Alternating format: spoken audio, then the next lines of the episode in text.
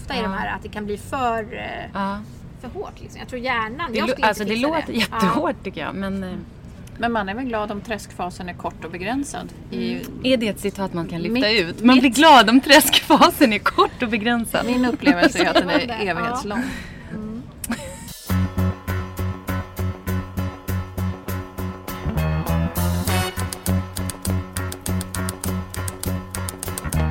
Det är jag som är Nina De är. Och det är jag som är Johanna de Valiant. Och vi tänker debutera. Eller dö. Tumble out of bed and I stumble to the kitchen. Pour myself a cup of ambition and yawn and stretch and try to come to life. Jump in the shower and the blood starts pumping. Out on the streets, the traffic starts jumping. With folks like me on the job from nine to five.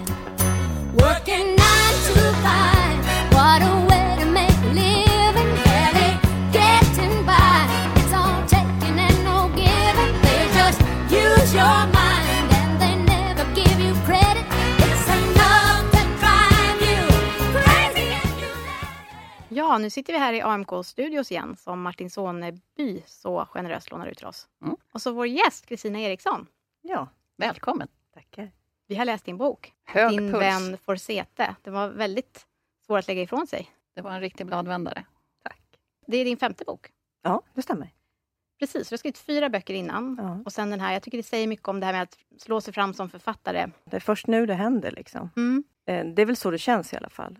Att ehm, jag gjorde mina tappra försök innan det tog sig. På riktigt. Dexter goes nordisk mytologi-tema. Ja, ja precis. Eh, och jag har säkert inspirerats lite grann till det. Jag älskar den där serien Dexter. Eh, och eh, ganska fascinerad av nordisk mytologi också. Eh, så det blev någon slags kombination där av eh, den här eh, personen som på något vis tycker sig kunna ta lagen i egna händer. Men bland alla dessa kriminalkommissarier Mhm. så tyckte jag det var väldigt eh, kul den här uh, skoputs-fetischen nästan, kan man säga. Jag älskar ju min Elias, då som han heter. Ehm, så där när man bara tittar på Elias, så, så, jag vet inte hur ni uppfattar honom, men han är ju lite småtråkig. Lite småtråkig, Ja. men det kan ju också bli det som är roligt. Ja, han är, han är trygg och stabil och, och han putsar sina skor. Det är väl det roligaste han gör.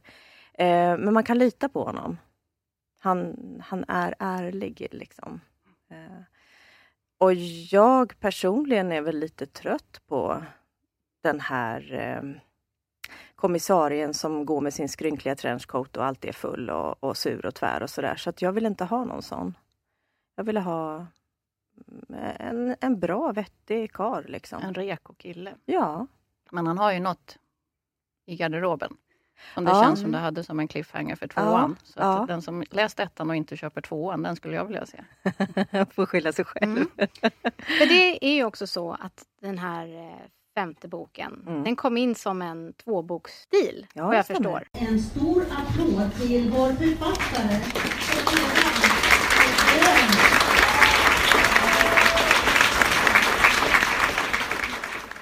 Är det en ganska färsk tatuering? Crime Writer, Albert Bonniers, 2017. Korrekt. Gjorde du den när du hade skrivit avtal? Ja. Men det var en milstolpe, ja. gissar jag. Att det Ja. var därför den... Oh ja. Mm. Oh ja. Ehm, och du ser ju också att det den sitter, alltså själva crime writer sitter ju inne i den här kransen, Svenska Akademins krans. Mm. Ehm, Mm. Och ehm, det var väl, eh, alltså det, det här med fin och ful författare och sånt där. ehm, som som deckarförfattare eller spänningsförfattare så blir man ju lite klassad som, som ful författare. Så då, då ehm, var jag lite kaxig. Mm. Så nu har du den där. Ja, men vi träffade ju en eh, förläggare på Albert Bonniers tidigare och vad vi förstod där är ju att, att komma ut med krim på Albert Bonniers, bara det är ju ett nålsöga i nålsögat. Ja, jag har att om förstått de har det. två till fyra platser per år så Ja. vill de ha kanske några poeter, några romaner, lite krim. Mm. Men där slog du dig in. Kan du inte ge oss lite tips? Vi försöker ju gö- göra det här. Hur ska jag få en tvåboksstil? Jag vet ju inte vad som har, jag vet inte vad som har hänt. Eh, det är ju det, jag lite grann känner mig som en hare i helljus. Ehm, Fortfarande? ja, fortfarande. Jag förstår inte riktigt att det här håller på att hända liksom. Um, det är så stort och ogripbart för mig. Um, jag, jag vet när, när min agent ringde då och sa att de ville träffa mig. Och det här var i maj 2017. Och um, då, då tänkte jag så här, men det här, ja, jag går dit men det är liksom, ja de vill ju bara se vad det här är för människa och det finns ju ingenting. Men de hade ju liksom bestämt sig så där, jag förstod inte det. Eh, och sen skrev vi på kontrakt eh, några veckor senare, jag förstod fortfarande inte. Och, och eh, jag tror, när vi började redigera så tänkte jag så här, nu kommer de upptäcka att, att det är fel manus. Mm, Så. att det är fejk. Ja. Det avslöjas ja. Ja, så det är någon annan liksom, det är inte jag. Så att jag, jag vet inte riktigt vad som har hänt. Men, men eh, alltså, jag har väl varit envis. Jag har hela tiden tänkt att jag måste bli bättre, vilket jag fortfarande gör. Alltså, att det hela tiden går att förbättra sitt skrivande, att man måste utmana sig själv och eh, ta åt sig utav vad, vad andra gör, vad man läser, eh, känslor. Jag tittar mycket på serier också, så där, men att man vill förbättra sig. Så, så det är väl det egentligen, att inte, att inte ge upp någonstans. Bara för att man får ett nej, så... Eh, ett nej är inte ett nej. Perhaps, perhaps.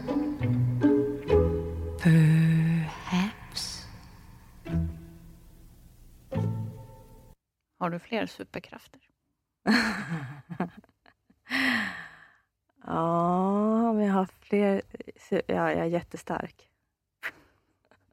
Jag såg tävlingsmänniska där. ja, Ja, jag jag såg ju på. Instagram att du Mm. gick in i träskfasen. Ja. Vad innebär det? Träskfasen är den fas när eh, hjärnan får så lite energi så att man blir lite korkad. Mhm. Ehm, För att på slutet proppa den full. ja, ja. Nu, kanske, nu kanske de undrar vad vi pratar om, men det här handlar ju om täv att tävla och tävlingsdiet. Aha, det är tävlings... Mm. Ja. Så att eh, jag eh, eh, pressar min kropp nu eh, ganska hårt. För att tävla i I eh, wellness fitness. wellness fitness. Mm. Jag är väldigt ofit. Jag vet ingenting om den branschen. Mm. Men det är det att man, man deffar då under en period. Mm, det gör man. Och då blir hjärnan som ett träsk. Jag är trött och hungrig hela tiden just nu. Perfekt att vi fick Mm. in dig här i rummet. Men finns det några liknelser då med skrivandet? Ja. Träsk. Träsket. Ja, faktiskt. Vilken är det. värsta fasen för dig? Alltså jag, jag jobbar ju bäst med kniven på strupen. Det bara är så. Jag, jag kan inte ha det här liksom, vet, ja men jag har så lång tid på mig, men då händer ingenting. Utan jag måste ha press, jag måste ha alldeles för mycket att göra. Det är då jag blir som bäst. Jag tror att jag är en sån akutmänniska. Um, vilket egentligen genomsyrar hela mitt liv från det att jag jobbade som sjuksköterska och var, var, hela tiden var stridsberedd. Liksom. Mm. Eh, Eller tävlar i fitness. Ja, Deffar och sen exploderar på scen. ja, Mm. Deadlines. fetisch. ja, Mm. ja, lite så. Jag gillar det. Men vi har ju fått det beskrivet innan vi hade läst boken Mm. som att eh, många säger att du skriver manligt Mhm. eller avskalat. Mm. Eh, och det där manliga slog inte mig. Mhm. Men det är, det är ju en, eh, jag menar, vad är manligt och kvinnligt? går ju att diskutera. Mm. Men inte så mycket metaforer i boken. Jag brukar ha min pappa som måttstock på det här med, han läser extremt mycket deckare. Mm. Och han tycker när det är mycket metaforer då slutar han. För att då är det så bara irrblossen i vinden och då tappar han fokus. Utan Mm. han vill att det ska komma framåt. Mm.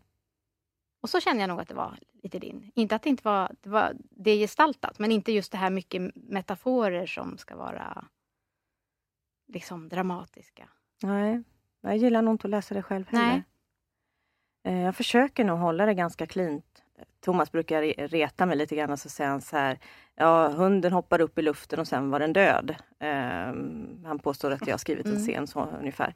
Eh, det går väldigt fort liksom. Ehm, och, och, ehm, det, det är nog, jag tänker ju väldigt mycket scener när jag skriver. Och eh, ibland så kanske jag glömmer bort att jag måste skriva ner det med ord också. Och då får jag gå tillbaka och så får jag lägga till. Liksom. Eh, så, så jag kan vara ganska fåordig. Mm. Men nu när du har ett, ett eh, tvåboksstil, Ja. hur snabbt skriver du del två för att må bäst? Och få bäst resultat? Ehm, Känner de dig så väl så de ger dig jättekort kort deadline här nu? Nej. Jag har ju försökt att bättra mig i den här andra boken. Att vara ute i lite mer god tid och, och ha tid och eh, läsa igenom och eh, låta det ligga till sig lite grann. Mm. Så, så jag försöker att bättra mig med det, för att jag, jag tror ändå att det blir en bättre process. Um, vilket väl uh, Din vän Forsete på ett sätt är ett kvitto på, för att mina två första böcker var jag, hade jag väldigt bråttom och jag fattade ju inte alls vad den här branschen gick ut på. Det vet jag inte om jag gör än heller. Det, det, det är en svår bransch att, att komma in i. så. Men, men ehm, då tyckte jag väl så här, ja men nu hade jag skrivit en bok och så var jag klar. Liksom. Och så tänkte jag inte så mer, mycket mer på det. Men det är ju så mycket mer jobb egentligen.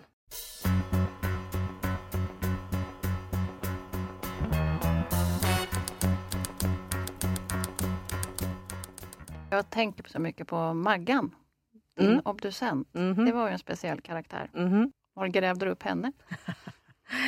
Ah, vet du att... Nej, ja, det här kanske låter jätteknäppt, men när jag har skrivit Maggan, då har jag tänkt på advokat eh, Elisabeth Masi Fritz.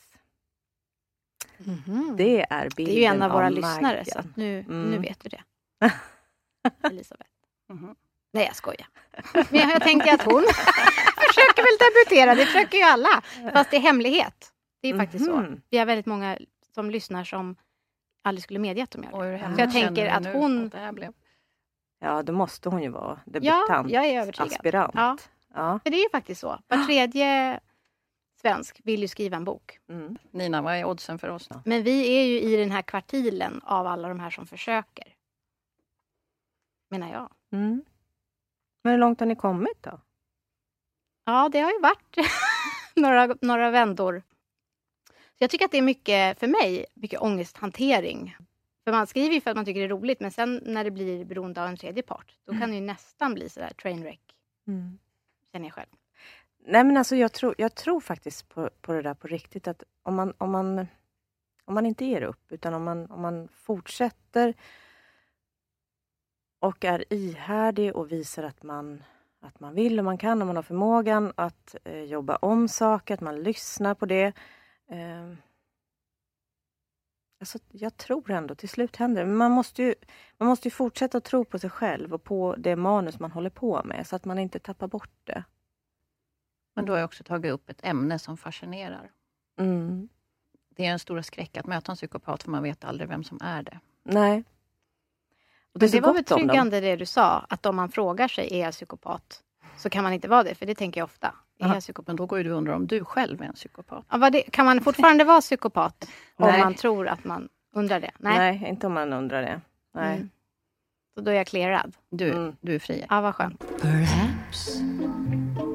Perhaps. Perhaps. Vi får med spänning se fram emot tvåan och följa din releaseresa här. Ja, det ska bli spännande. Lycka till med den och lycka till med fitnesstävlingarna. Ja, Tack det var snälla jättekul. för att du kom idag. Ja, men tack för att jag fick komma. Det var jättetrevligt. Mm. You won't admit you love me. And so, how am I ever to know? You always tell me.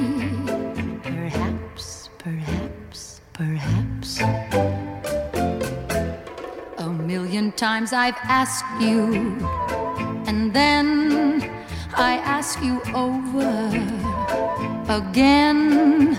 You only answer, perhaps, perhaps, perhaps. läste Så gör jag häromdagen. Hela Från perm till perm, den här Bodils, Bodil. Bodils bok. Och då ehm, pratar hon mycket om att metaforer ska vara enkla men inte för vanliga. Men det är ju en smaksak. Och då tänkte jag på det här med att i Kristinas att det inte var så mycket metaforer. Flera böcker nu när jag aktivt sökt, när jag tog ut massor med böcker ur bokhyllan och bara okej jag ska hitta lite metaforer bara som lite. Det är ganska svårt att hitta för det är en trend nu tror jag att ha ganska lite metaforer. Det är ju ett mer målande till eh, liksom lite tillkrånglat om man så vill. Som tilltalar vissa men inte alla. Det tar ju också väldigt lång tid att hitta på metaforer och Mm. ska man skriva snabbt då har man inte det engagemanget att sätta sig och göra en liknelse som ska gripa tag i en. Nej, men samtidigt så att någon har ansträngt sig är ju något som är fint ändå. Absolut. Ja, men typ, jag kan bara säga de tre jag skrev ner. Den första det var från Bodil Malmstens grej. Hon intervjuade sin kompis Thomas Bernard. Hennes röst var som matjord, som smör. När hon frågade honom om metaforer så var det hans svar att det var en han hade haft, men sen strykt. Det är säkert fint men för mig helt obegripligt. Obegripligt, eller hur? Så den eh, fick inte vara med. Fattar du? Han som Matjord. vann... Nej, jag fattar inte. Han som vann Augustpriset, Johannes Anjuru. Han skrev så här. Svetslågor blinkade nere i hamnen. Ljussvaga små stjärnfall. mig det är ganska så här... Var det en metafor? Ljussvaga små stjärnfall. Nej, det kanske inte är. Då är det en beskrivning. Ja, du ser, redan här hennes, så... Mm. hennes röst var som smör. Det är ju en metafor. För det är ju inte... Svetslågorna var som stjärnfall. Ska jag bara höra, kolla mitt blodtryck? Ja, just det. Ja, och det här är från eh, Lina Wolf, De polygotta älskarna. Det hände redan då att jag tyst och för mig själv räknade alla kvinnor jag har haft. Jag gör det fortfarande och jag minns dem då inte en och en utan som de skogar av sjögräs som växer på havsbotten i varma vatten och som de i Spanien kallas Poseidonias. Ja, Var du med på den? Det Jag var var alltså med på den. kvinnor som skogar av sjögräs som växer på havsbotten i varma vattnen. eh, ja, jag får en bild. Men av de här tre då, vilken typ? Tvåan var ju diskvalificerad så det, om du skulle välja mellan hennes röst var som matjord som smör. Eller den som var med fem meningar. Skogar av sjögräs och... Om man, om man skriver så i en hel bok då blir den ju 200 sidor längre. Absolut. Jag, jag föredrar Thomas Bernard. Ja, Men han får ju skärpa sig och skriva något som man fattar. ja, Kort och koncist, Ja. men begripligt. ja. Det var vad Metaforskolan hade idag. Ja, jag känner mig fullärd. eh, Senare i programmet.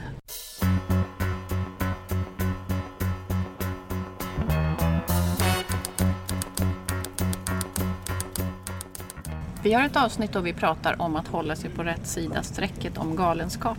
Ah, vad spännande! Välkommen Anna Bågström. Tack, tack! Vi behöver Åh, dig. vad härligt!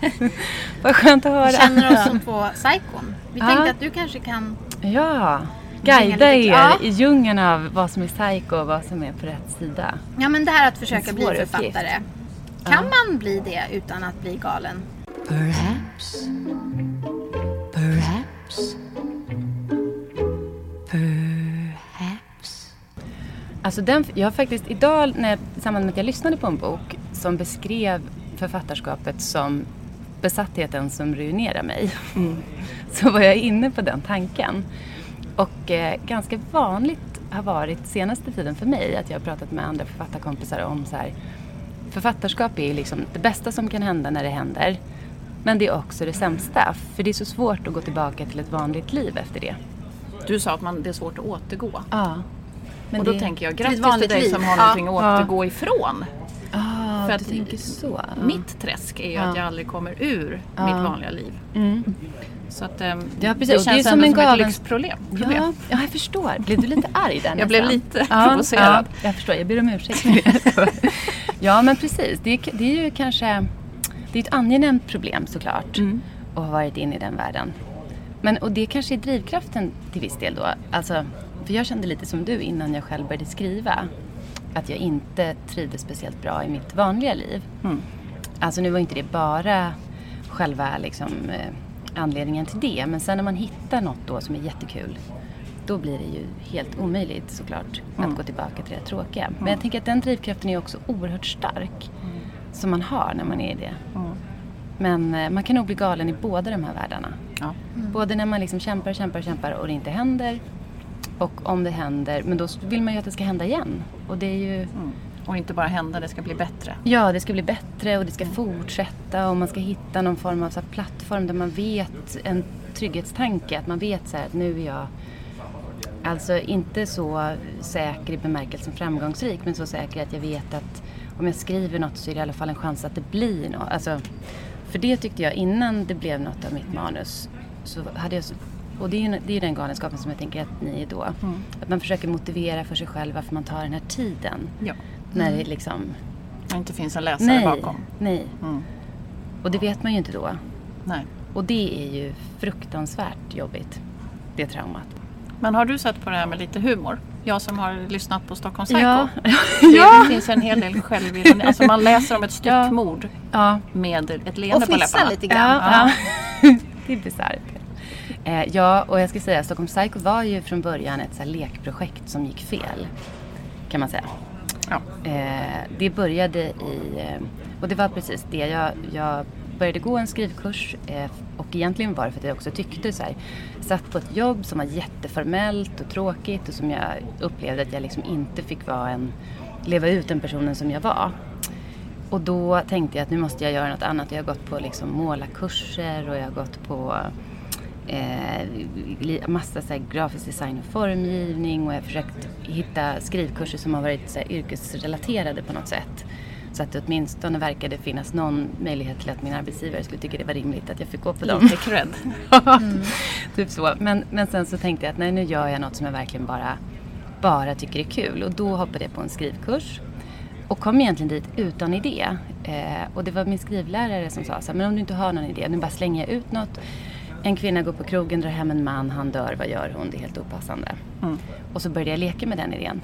Eh, och då, eh, liksom, det, som, det som det hamnade i där var att jag ville driva med sånt som jag var väldigt mycket i, i det andra livet. För att jag hade någon sorts behov av att hela tiden, eh, för att hantera det, skämta om hur tramsigt det var att sitta på såna här konstiga övningar på kontoret med värdegrundslekar och eh, ja, jag rörde mig ganska mycket i kretsar där det var liksom väldigt mycket eh, fokus på statusmarkörer och sådär. Så på något sätt så hade jag ju liksom för mig själv redan innan börjat driva med det. För jag tyckte att det var liksom var lite för mycket av den varan. Och då passade jag på att leka med det på den här skrivkursen. Så det var nästan lite terapi på det sättet. Men jag hade ju inte då någon ordentlig tanke om vad som skulle bli av det. Liksom. Så långt hade jag inte kommit. Jag tänker att där, ni känns så himla tycker jag, drivna och medvetna i det. Vad ni vill med det. Nu tittar Nina och jag på varandra Jo, frågande. men, för, men det, det slår mig varje gång, varje gång jag lyssnar på er podd så tycker jag att ni känns så himla mycket mer erfarna än vad jag någonsin har varit. Jag tycker alltid att ni också hamnar i så rätt frågor och sånt som jag har tänkt på mycket i efterhand. Det är roligt att lyssna på den podden även eh, när man har fått något utgivet. För det är supermycket som jag också har tänkt på som, som jag inte hade fattat och som jag inte alls liksom har gjort. Mm. Du menar att man behöver vägledning även som utgiven? Ja, det tycker jag. Jag, tycker, jag känner att jag behöver vägledning hela tiden. Vilket är så här lite obehagligt för det är inte som att man blir färdig på något sätt. Ja, Jag tycker det låter betryggande för färdig är väl ett väldigt tråkigt ställe. Ja, väldigt tråkigt ord. Men det är ju lustigt när du säger att vi har kanske snappat upp många saker. Så jag tror att vad det leder oss till nu, det är att vi har den emotionella biten kvar lite grann. Att vi har fått expertråd inom en del. Ja. Men nu är det det här psyket Ja. som ska mm, hänga sig kvar. Ja. Vi kunde knappt prata idag när vi sågs på lunch för att vi är ganska dränerade. Båda två! Vi har Ja. båda fastnat fast vi Ja. ligger så olika till. Så Ja. sitter vi fast. Vad är det ni har fastnat i liksom? Som... Eh, Ja, för min del så har jag fastnat i att jag inte kommer till skrivandet. Här har jag ältat om nu i ett, år, Ja. ett och ett halvt år i en podd. Mm. eh, och fortfarande inte kommit dit. Men livet snurrar ju bara vidare i samma galenskap. Så Mm, just att det. jag känner mig som att jag lever i ett Ja. fullständigt psycho. Nu har jag ett sånt blodtryck att eh, ja, det är Mm. fara för ens liv typ. Eh, och i det, så, alltså det beror ju på någonting. Livet är galet. Mm. Då hittar inte jag så här, nu ska jag sätta mig på mitt rum och skriva en bok. Nej, det är inte den sinnesnärvaron liksom riktigt som... Och då är det ju skämmigt att sitta här och säga att jag har true grit och jag ska ge ut en bok. Det är en kombo som inte funkar. Eh, Men när vi pratar skrivande och Nina beklagar sig över att hon inte blir utgiven men ändå nu sitter jag och skriver det här och skriver det här. Och jag eh, börjar nästan gråta för att jag bara hör alla som skriver Ja. och jag kommer helvete inte dit. Man bara prioriterar inte Nej, sin och, drift. men också acceptera kanske. För att det går ju väldigt mycket upp och ner också. Förutsättningarna förändras ju för en själv fram och tillbaka. Liksom. Jag tänker att den pendeln vänder i och för sig. Det tänker det, jag. Jag Alltså, har det- inte gett upp. Nej, nej, nej. Men i nutid Mm. så är den bara liksom, det finns inte. Nej. Så där är mitt psykostillstånd. Mm. Ja, jag förstår. Frustration kallas det. Ja. Mm.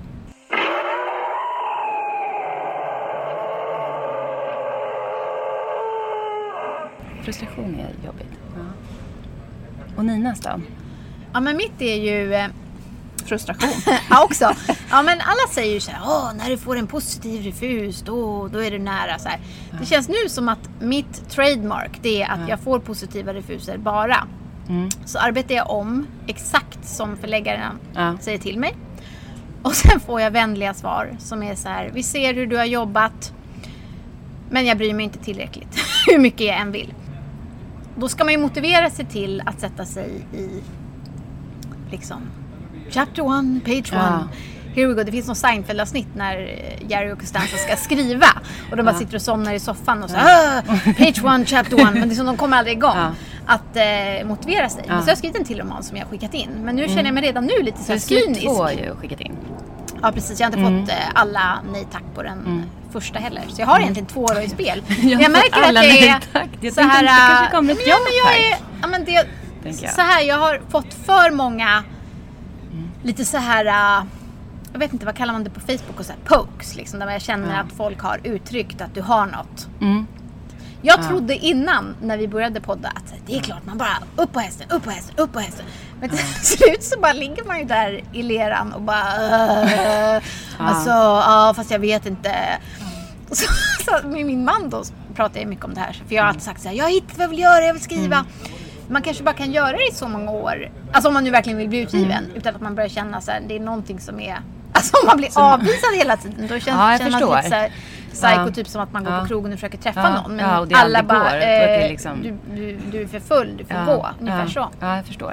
Så då satt jag Mm. i helgen och sa ja men alltså eh, jag kan ju starta så här raw food café typ i Abrahamsberg. Att det liksom Och börjar ändras och slå Ja, över till att jag andra... försöker hitta någon ny. eh, Men jag vet inte, Ja. jag känner att jag visste vad min passion var. Men om Mm. den då Du har alltid förnekad. vetat vad passionen är. Ja, men nu känner jag att det börjar bli det här, nu börjar det bli att måttet är rågat, att jag kan inte Mm. hålla på så här. Till, alltså jag kan kanske skriva en roman till, men sen, alltså det blir, jag, jag hänger runt på krogen, Ja. jag är patetisk, jag måste starta Ja. ett rawfood-café. Hur ska Ja. jag göra nu? För jag börjar bli psycho. Mm, mm, jag börjar göra förstår. Jag, Jag förstår, hatar ett bra... rawfood-bollar. Alltså jag hatar såna här cash. Det är ett bra signum att man börjar göra rå- råfoodbollar. Då är man illa ute. Det tycker Ja. jag man kan ha som riktmärke. Ja, Mm. men så där är vi. Ja, jag förstår. Och då har man jobbat upp den här faktiskt rejäla galenskapen ju som både ger liksom frustration och ångest och, och en besatthet som är helt otyglad. Jag tänker ju fortfarande att ni kommer få eh, komma vidare och att ni kommer bli utgivna. Men då tänker jag att ni kommer bli så här, de värsta av de här som hamnar i psykot som är på andra sidan. Ja, att det kommer någon här artikel typ, hon var ett psycho, men nu är hon utgiven. nej, nej, nej, nej, nej, jag menar mer så här att... att nej, jag tänkte mer så här att, att eh, när du då får in den här bollen Mm. och slutar göra råfodbollar och istället bara, då kommer det liksom då kommer det inte finnas något stopp. Då kommer du heller aldrig kunna gå tillbaka och du kommer liksom härja. Att väggen är nerriven liksom. Ja. Bara kör. Ja, Ja. det är jag så jag det alltid har liksom- känt. Men nu så känner jag mer att jag har stått och dunkat Ja, liksom huvudet i väggen blodigt. Och att någonting liksom är fel här nu med den här bilden. Att jag måste ta mig vidare till nästa serierutan. Men ja, man ska ju inte vara otålig. Det är ju verkligen Nej. eh, en grej också. Kring Nej, det här med att det är det som jag egentligen tycker är eh, ganska jobbigt med skrivande. Just att man inte får vara otålig. För att man vill ju bli klar så fort som möjligt. Det värsta som finns om man är en otålig människa är ju när folk tycker... Alltså, jag fick rådet av någon så här, lägg, lägg ifrån dig manuset och så kommer du tillbaka om ett halvår. Det är det värsta som skulle kunna hända mig tror jag. För att om man, om man ska lägga ifrån sig något då har jag jättesvårt att ta upp det igen. Och jag tycker det är jobbigt och tråkigt att börja med något som man har lagt... Alltså, och den där otåligheten tror jag är ett jättestort problem när man skriver. För den gör ju att man skickar in saker för tidigt eller att man inte jobbar liksom tillräckligt med research eller vad det nu är som man behöver göra för att liksom få höja det eller så. Eh, Så den tror jag är en jättestor fiende. Men som Så det- otålig person, berätta Ja. om när du blev antagen här till Storytel. Det Ja. var ju liksom ändå en liten genväg. Ja, det var ju en genväg. Eh, Och det var också, precis, och det är väl kanske så just för att jag är en sån här Här börjar man ju flåsa lite av avundsjuka. Berätta. Ja, ja men det, och det var, eh, jag satt på den där skrivkursen, hade skrivit nästan färdigt eh, det här manuset. Jag hade varit där i kanske två år eller någonting. Eh, och sen så hörde jag talas om, och det var under våren, årsskiftet 2016, så hörde jag talas av, om, av någon kompis här att Storytel ska göra någon satsning. Jag visste knappt vad Storytel var. Och då mejlade jag bara in till en person där. Så hej, jag har helt, och i det här liksom naiva och väldigt så här, oupplysta tillståndet när man inte överhuvudtaget känner till någonting om förlagsvärlden eller bokvärlden. Oskuldsfullt. Ja, väldigt oskuldsfullt, men jag var ju helt ofärgad. Eh, så jag mejlade in så här, hej jag har hört att ni ska göra någon satsning, jag tycker det låter urspännande och, och att det ska vara lite tv-serielikt och att det gärna får vara liksom stora vändningar och lite knasigt. Och så var ju mitt manus. Jag hade liksom inte tänkt på mitt eget manus som att det skulle vara en roman eller så, utan det var ju som, mer än, som sagt en, ett, lite av ett skämt som spårade ur eller liksom en olycka från början. Eh, och då hörde de av sig och tyckte att det var roligt och så var jag där och träffade dem. Och sen efter det så pratade jag med min skrivlärare också och sa så här, nu, nu har jag fått, det är någon som verkar, de tycker det är jätteroligt, han hade inte hört talas om dem. Jag har väl fått svälja nu. Ja, det har han ju fått svälja i någon mening. Men jag, jag tror inte han i och för sig är någon så här ljudboksförespråkare direkt. Utan han tycker nog att litteratur ska vara litteratur och att det är traditionellt. Och det har du ju också lett till. För sen Ja. har du ju då skrivit den här Ja. um, deckaren Ja. om Harriet, Ja, ögonvittnet. precis. Och den var ju också från början ett ljudboksmanus för Storytel. Och sen blev det så att en förläggare på Norstedts läste det manuset. Och tyckte då så här, men det här kan vi också göra bok av. Så det är lite speciellt med Ögonvittnet. Den är både, både bok och ljudbokserie samtidigt. Och sen har den också sålts rättigheter utomlands. Ja, Eller hur? det har den. Det är inte klokt. Jag tycker Nej. vi Det är skålar på det här. Ja, Ja, det är skål. skål. Skål för det. Skål. Ja, för dig, Anna. En stor applåd till vår författare.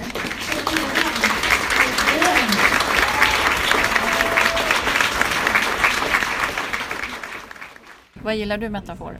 För du, du sägs skriva... Hårdkokt kanske? Ja, ni tänker på Stockholm Psycho kanske. Sen tror jag eh, ögonvittnet är inte riktigt lika hård så, men det är ganska... Jag tror språket är ganska så här o... Eh, ganska in, ja, enkelt eller eh, eh, rappt eller man ska säga. Det, går, det är inte... Det är inte så invecklat på det sättet. Liksom. Och där, det finns nog en likhet. Att de är ganska, eh, det är ganska händelsedrivet och det går liksom... Det flyger på. Det är ingen som har en röst som matjord. Nej. fin liknelse. Vi försökte ha lite metaforskola här innan. Det gick sådär. Röst som matjord. Men skriver du några metaforer? För när jag försökte ta ut lite metaforer i olika böcker jag hade hemma så märkte jag att i allt det som är nyutgivet är det väldigt svårt att hitta. Alltså det Ja. blir färre och färre Ja. så här målade eller sökta metaforer. Exakt. Jag har faktiskt funderat på det. Eh, jag har noterat det i vissa böcker jag har läst. Bland annat en bok senast som heter Gökungen. Hennes grej är att göra eh, väldigt avancerade metaforer som jag tyckte var roligt. Lite sökt men ändå roligt. Eh, men jag tycker också att det är ganska ovanligt. Eh, och jag undrar om det har att göra med att man stryker ut många metaforer i redigeringen och att ofta blir det, eh, nu kanske jag bara talar om mig själv, men jag söker ibland metaforer för att jag tycker gestaltning är så himla svårt. Och så försöker man hitta något nytt innovativt sätt att beskriva något. Så här. Och lite mer språkligt komplicerat. Ja, och sen ibland eh, har jag upplevt att redaktörerna tycker så här, ibland så förstår de inte tankegången. Och ibland tycker de att det är sökt och ibland tycker de bara, äh, ta bort. Och det har jag ju lyssnat på såklart. Så jag, und- jag undrar om det händer andra också. Skulle kunna vara en sån sak. Ja, det är kanske inte är författarnas fel, det är redaktörernas fel. Är jag ska inte skylla på någon annan för jag tror att redaktören har rätt också. det är min de absoluta... vet vad som ligger i tiden. Ja, absolut. Eh, så jag tror att jag, jag har alltid gått med på alla strykningsförslag och sådär och känner mig väldigt glad över det i efterhand. Jag tycker att det bara har förbättrat texten, ska jag säga. Så att, eh, men, men jag vet att jag liksom själv har sökt efter metaforer för att jag försöker att inte bli liksom kliché eller tjatig eller och det är ofta i de där grejerna när man ska gestalta något där man tycker så här, "Ugh, hur, hur uttrycker man det här? Hur egentligen, det blir så tjatigt liksom. Och då försöker jag leta efter en metafor och så blir den kanske lite för så här tillkrånglad eller sökt. Och sen åker den ut. Precis, så ett matnyttigt råd. Om man tycker det är jobbigt med metaforer, skit i dem. Ja, det tycker Helt jag. enkelt. För de blir ändå strykta. Ja. Men vad är du i för fas nu då? Nu har vi pratat lite om våra psykofaser. Ja. Och din? Ja, men min fas är just nu, eh, som jag tampas mycket med, det är, nu håller jag på med uppföljaren till ögonvittnet. Jag tycker det är jättesvårt att skriva en uppföljare. Både för att jag känner att det är massa krav eftersom om man gillar ögonvittnet så finns det en förväntan. Och sen så tycker jag att det är svårt bara som grepp för det är massa saker som ska vara med i uppföljaren. För den ska ju på ett sätt vara liksom fristående. Samtidigt får man ju inte där spoila bok ett om man bara läser bok två. Och sen så gillar inte jag om det blir så onödigt förklarande. Att man liksom, här kommer det ju sken, alltså Harriets pappa. Alltså att det är såna här liksom, hela tiden kommer olika förklaringsgrejer till saker. Så det är ganska knivigt. Eh, Men i den där fasen just nu så är det rätt rörigt och rätt ångestladdat ska jag säga. Och sen har jag ju med mig då från de andra processerna som jag ändå tyckt har varit så här, alltså lite som att gå om högstadiet i någon mening. När man liksom kommer in i en ny värld där man inte vet hur det är. I, I vissa delar har jag känt mig så himla dålig, som att jag inte kan. Och, alltså när man får liksom återkoppling på saker man lämnar in och känner att det är värdelöst och, och eh, ja, besvärligt och man gör om och man gör om igen. Och det- det känner ni ju till som också gör om igen, tänker jag på. Och, sådär. Eh, och det tycker jag har varit ganska så här, slitigt på, eh, på självkänslan i någon mening. Liksom. Och det är annorlunda för mig att jobba med, med förlag eh, för att jag tänker att de är så himla... Jag förstår att deras värld de är ganska upptagna och jag är inte deras enda författare och min bok är inte deras enda bok de ger ut. Men för mig är den ju jättestor. Så det är väldigt lätt att man också då hela tiden både blir besviken och också börjar titta på vad andra gör eller hur, alltså sådär. Så jag har faktiskt försökt för mig själv till exempel just apropå Instagram att bara försöka kolla ibland på Instagram och att också bestämma mig för innan vad jag ska ha för hållning till det och så. För jag vill verkligen inte hamna i någon sån här liksom jakt eller känna mig missundsam eller något sånt där som skulle kunna hända. Liksom man kan bli helt manisk på att börja kolla bokflöden och topplistor och sådana saker. Och så sitta på ett så stort förlag som du gör. Ja, verkligen. Det kan ju nästan då bli komplex. Ja, men jag tänker att, att eh, alltså det är jättehemskt, men jag tänker ju att de är så här, de är så stora och fina och har så mycket fina författare. Jag är liksom deckarförfattaren. Nej, Så jag känner mig lite jag egen känner där. Du får fasen bli mer diva. Tycker jag ska Ja. bli det. Det är du värd. Ja, får gå tycker det är svårt. kolla här med blodtrycket. Ja. Ja, vi kollar det emellan. Nej men jag trodde ju att jag skulle bli en av Norstedts team. Mm. Jag gjorde en omarbetning för en viss förläggare. Och sen då så får jag massa meddelanden från en annan på Norstedts. Jag tänker så här, jaha men det är okej, det, det låter bra. Kom till mamma. Då är det så här, jag känner igen dig. Va? Har inte du jobbat som spärrvakt? Nej! Då hade jag och den här förläggaren jobbat som spärrvakter Nej. ihop. Så att eh, det var bara, det var ett booty call. Det hade ingenting Nej. med mitt manus att göra. Åh. Och den andra förläggaren, när gud, eh, hen väl återkom så var det I'm sorry but I don't care. Men alltså Så. om man ska... Om man I know you. Men- du är spärrvakt. ap- apropå tillbaks till metaforer. MTR. Om Ja. man skulle liksom återknyta nu till metafor så tycker Mm. jag just den här liksom Ja men det är ju som det där att man är liksom kär i någon som aldrig är kär i en tillbaka. Mm. När det händer då att det ringer på ens telefon, man tror det är hans kompis, man blir jättenöjd, man tänker att nu ska de ringa och säga att vi ska festa helgen, vill du komma? Mm. Och sen så säger den istället bara, vad hade du för matteläxa? Typ, som det här med vi har varit spärrvakter liksom. Det är ju väldigt taskigt, eller liksom det blir ju väldigt besvärligt. Men jag tänker att de inte tänker det. Nej.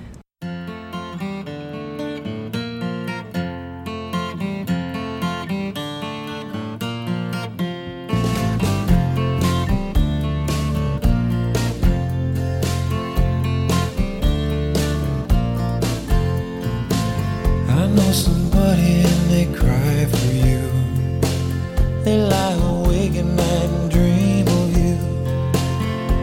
Bet you never even know they do, but somebody's crying. I know somebody and they called your name a million times and still you never came. They go on loving you just the same. I know that somebody's trying.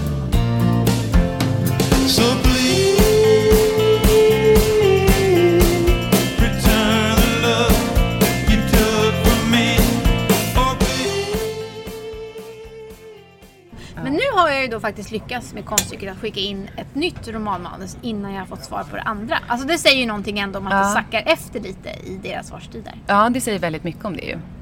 De jobbar ju, eh, jag då som har jobbat mycket på myndighet, där eh, handlar det väldigt mycket om svarstider och tillgänglighet och man har väldigt hårda krav på sig att inte vara så här onåbar och sur.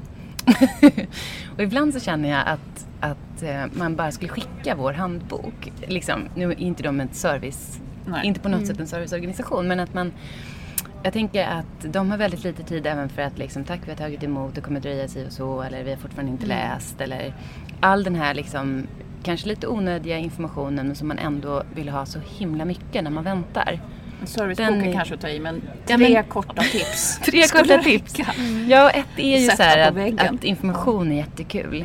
Och även information om så här, det har inte hänt någonting. Är ju, för att, precis som det där när man är olyckligt kär så går man ju och målar upp liksom en idé för sig själv. Så länge man inte hör något så lever ju något fortfarande. Och sen så efter ett tag så tycker jag att, att hjärnan verkar ju konstruerad så att den liksom gärna vill, eh, vill liksom se det värsta eller man ska säga. Jag hade ju velat ha, du har plats 1118 i kön Ja, just på det, ditt ja. nej tack. Alltså så här, det hade ju varit något. Men också Ja. det här med sociala medier och så, det gör ju nästan att det blir lite för jobbigt att man säger så jaha nu sitter den förläggaren och Mm. äter ost på någon eh, Ja, båt. just det. Vad fan, För då tycker läs man, mitt "Vad- manus." mitt manus ligger på ditt bord. Sitt Du inte kan inte och sitta och fika, vad är det här? Nej men Ja, precis. Så man kanske ska logga ur lite mer bara Ja. helt enkelt. Ja, men jag tror att det kan vara en bra så här, avvändning. Att Mm. man eh, loggar ur och skiter i att kolla. Men det har jag Det- funderat på nu att eh, man måste ju hantera eh, sin avundsjuka. Ja, jag vet. Jag vill är verkligen bra. bli bättre på det. Jag Jag blir- avundsjuk bara på dig som skriver. Nej men vi, eh, vi tuggar på helt enkelt. Psycho eller inte. Det är Ja. bara att göra. Ja, det är bara att göra. Ja. Yeah.